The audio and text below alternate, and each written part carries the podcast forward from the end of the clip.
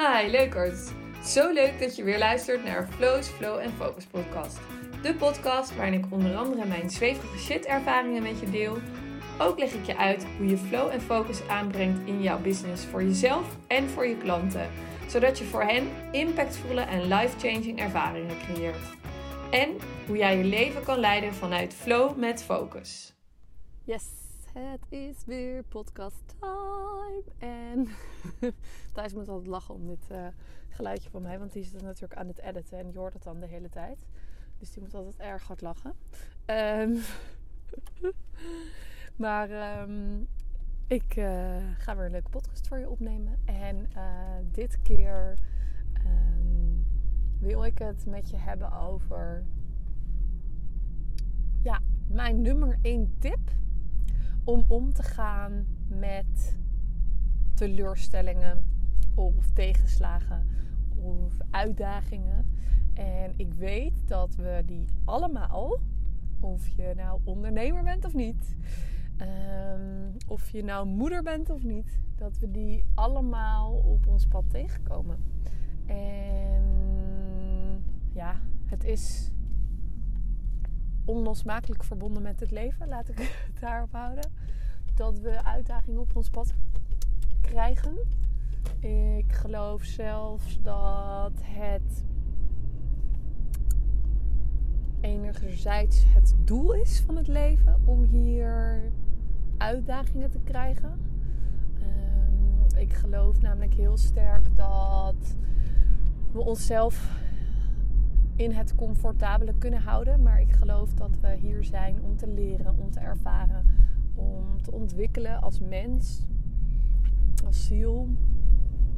En dat de uitdagingen die we op ons pad krijgen, dat dat de momenten zijn waarop we in die lessen stappen.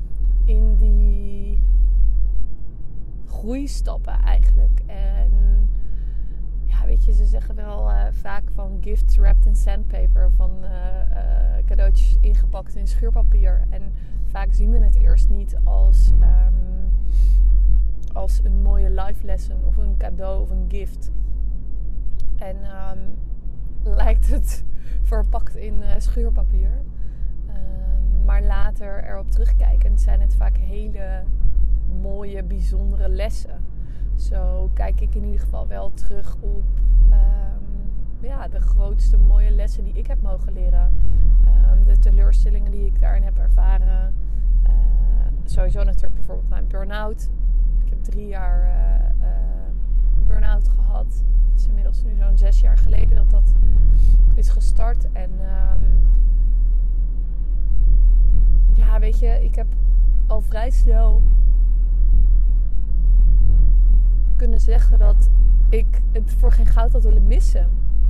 En dat ik juist uit deze burn-out zoveel moois heb gehaald.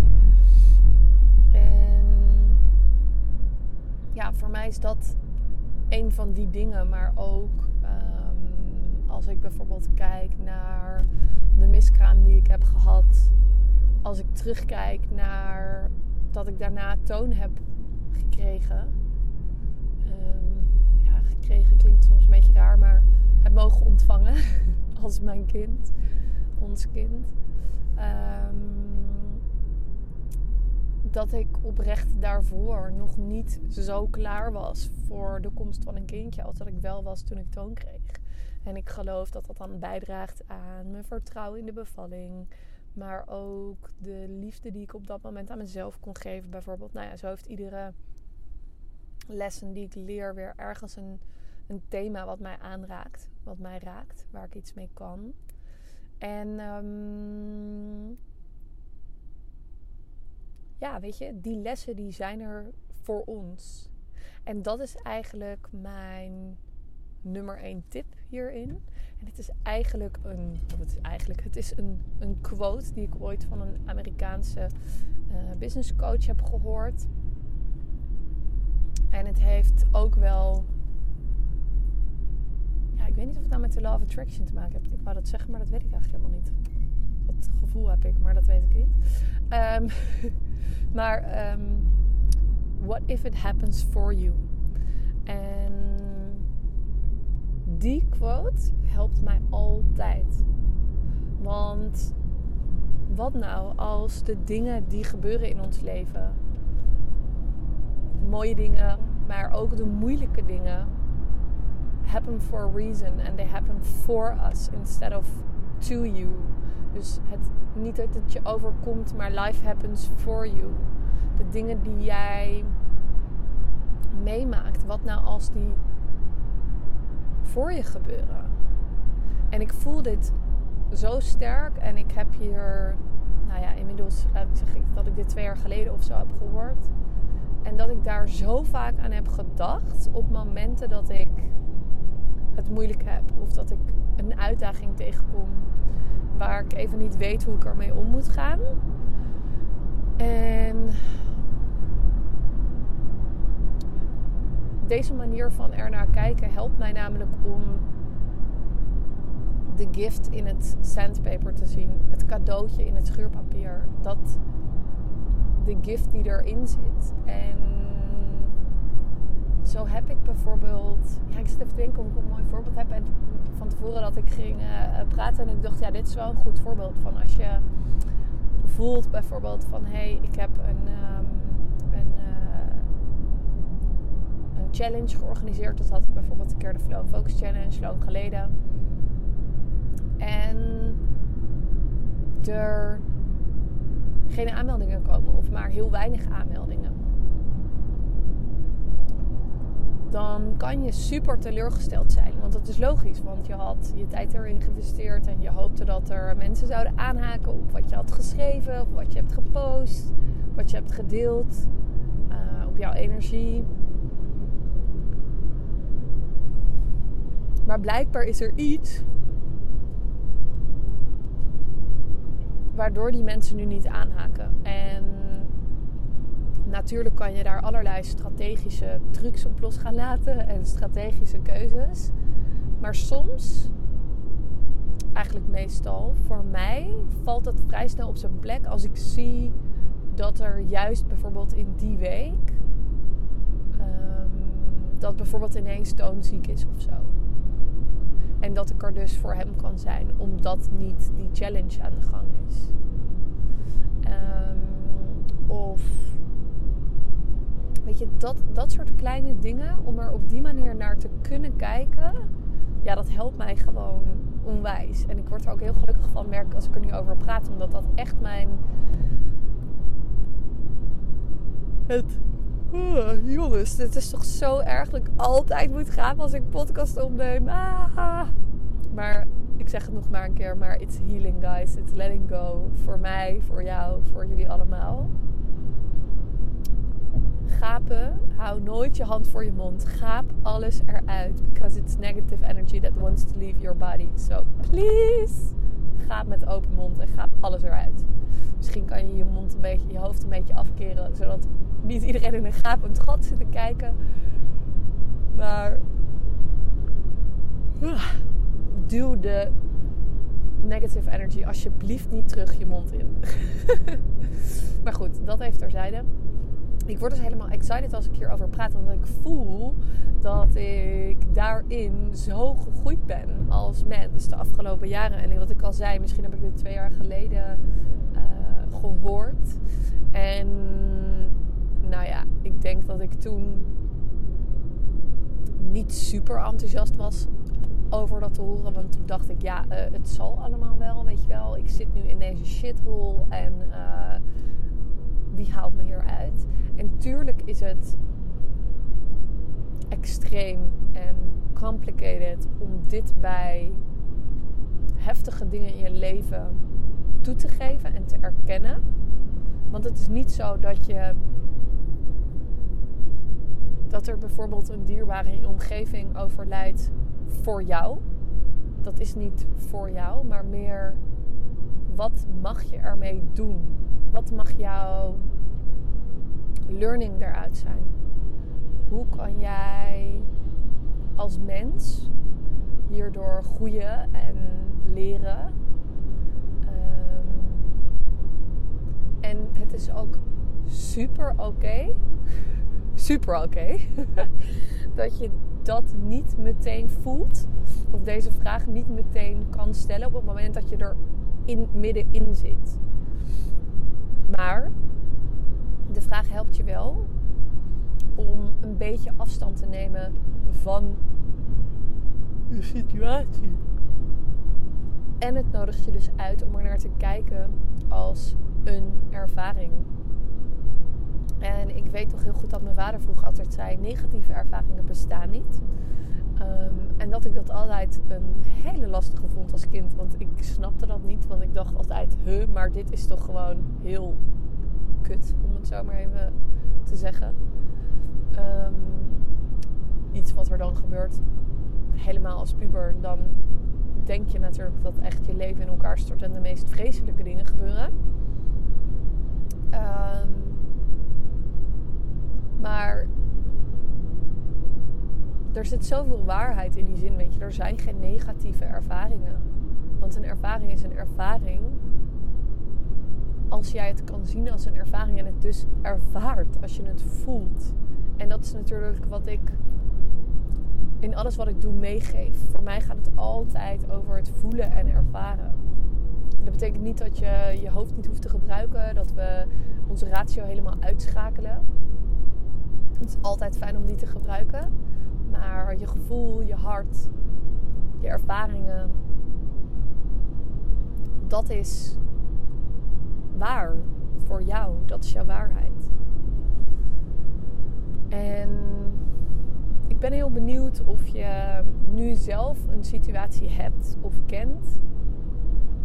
Misschien de afgelopen week of misschien de afgelopen maand. Wat een uitdaging voor je is. Wat een teleurstelling voor je is. En als je niks kan bedenken, think about corona. nee, grapje. maar ik bedoel, er gebeurt nu genoeg. Um, er gebeurt nu genoeg in de wereld om je heen. Wat je zou kunnen ervaren als een uitdaging. Of wat je kan, kan ervaren als een uitdaging. Ik, uh, als, ja, als de persconferentie weer uh, is geweest. Die ik eigenlijk nooit kijk. Maar ik wil nu toch even weten wat er uh, going on is. Omdat het enige wat voor ons relevant is, is of de kinderopvang open gaat of dicht gaat. En waarschijnlijk gaat die dicht. Um, daar kan ik snoeihard van gaan balen. Dat kan. Um, dat doe ik misschien ook wel even intern. Maar ik denk ook, oké, wat is dit voor sign, weet je wel? Wat is dit, wat wil dit ons vertellen? We mogen misschien meer gewoon even rusten met toon in de komende periode. En, cadeautje, cadeautje, we zaten al te bitchen omdat we steeds naar Amsterdam nog moesten rijden. Want hij ging nog naar de opvang in Amsterdam, twee keer per week. Dus voor ons was het prima, weet je. We rijden heen en weer, een half uurtje. Niet ideaal. Ik hou niet echt van forensen, daarom ben ik ook gaan ondernemen. Nee, een van de redenen waarom ik ben gaan ondernemen. Ik hou van thuiswerken. Ook op locatie, maar in ieder geval niet per se uh, dagelijks forensen. En vooral met een huilend kind op de achterbank om half zes avonds. Uh, ik weet gewoon dat ik hem daar geen plezier mee doe. En uh, nou ja, dan is dat een soort van de mooie bijkomstigheid. Weet je wel? What if it happens for you? En voor Toon misschien wel. Voor me, voor Toon, voor Thijs. Whatever. En er komt wel weer een oplossing. Uh, daar vertrouw ik gewoon op. Maar deze vraag, ja, dit ja dat heeft gewoon echt uh, iets voor me gedaan. En uh, ik hoop dat het ook voor jou iets doet. En probeer deze vraag dus voor jezelf te stellen op een uitdaging die je nu uh, ervaart of tegenkomt in je leven. En um, ja, laat me even weten hoe dat voor je is. Ik ben heel benieuwd. En um, ja, volgens mij is dit officieel de. Oh nee, morgen dan. De, dan zijn we over de helft. Dus dit is ongeveer de eerste de laatste van de eerste helft van deze podcast challenge. En uh, ik krijg super veel lieve reacties van jullie uh, in DM, waar ik heel blij mee ben. Uh, dat is super gaaf om te ontvangen.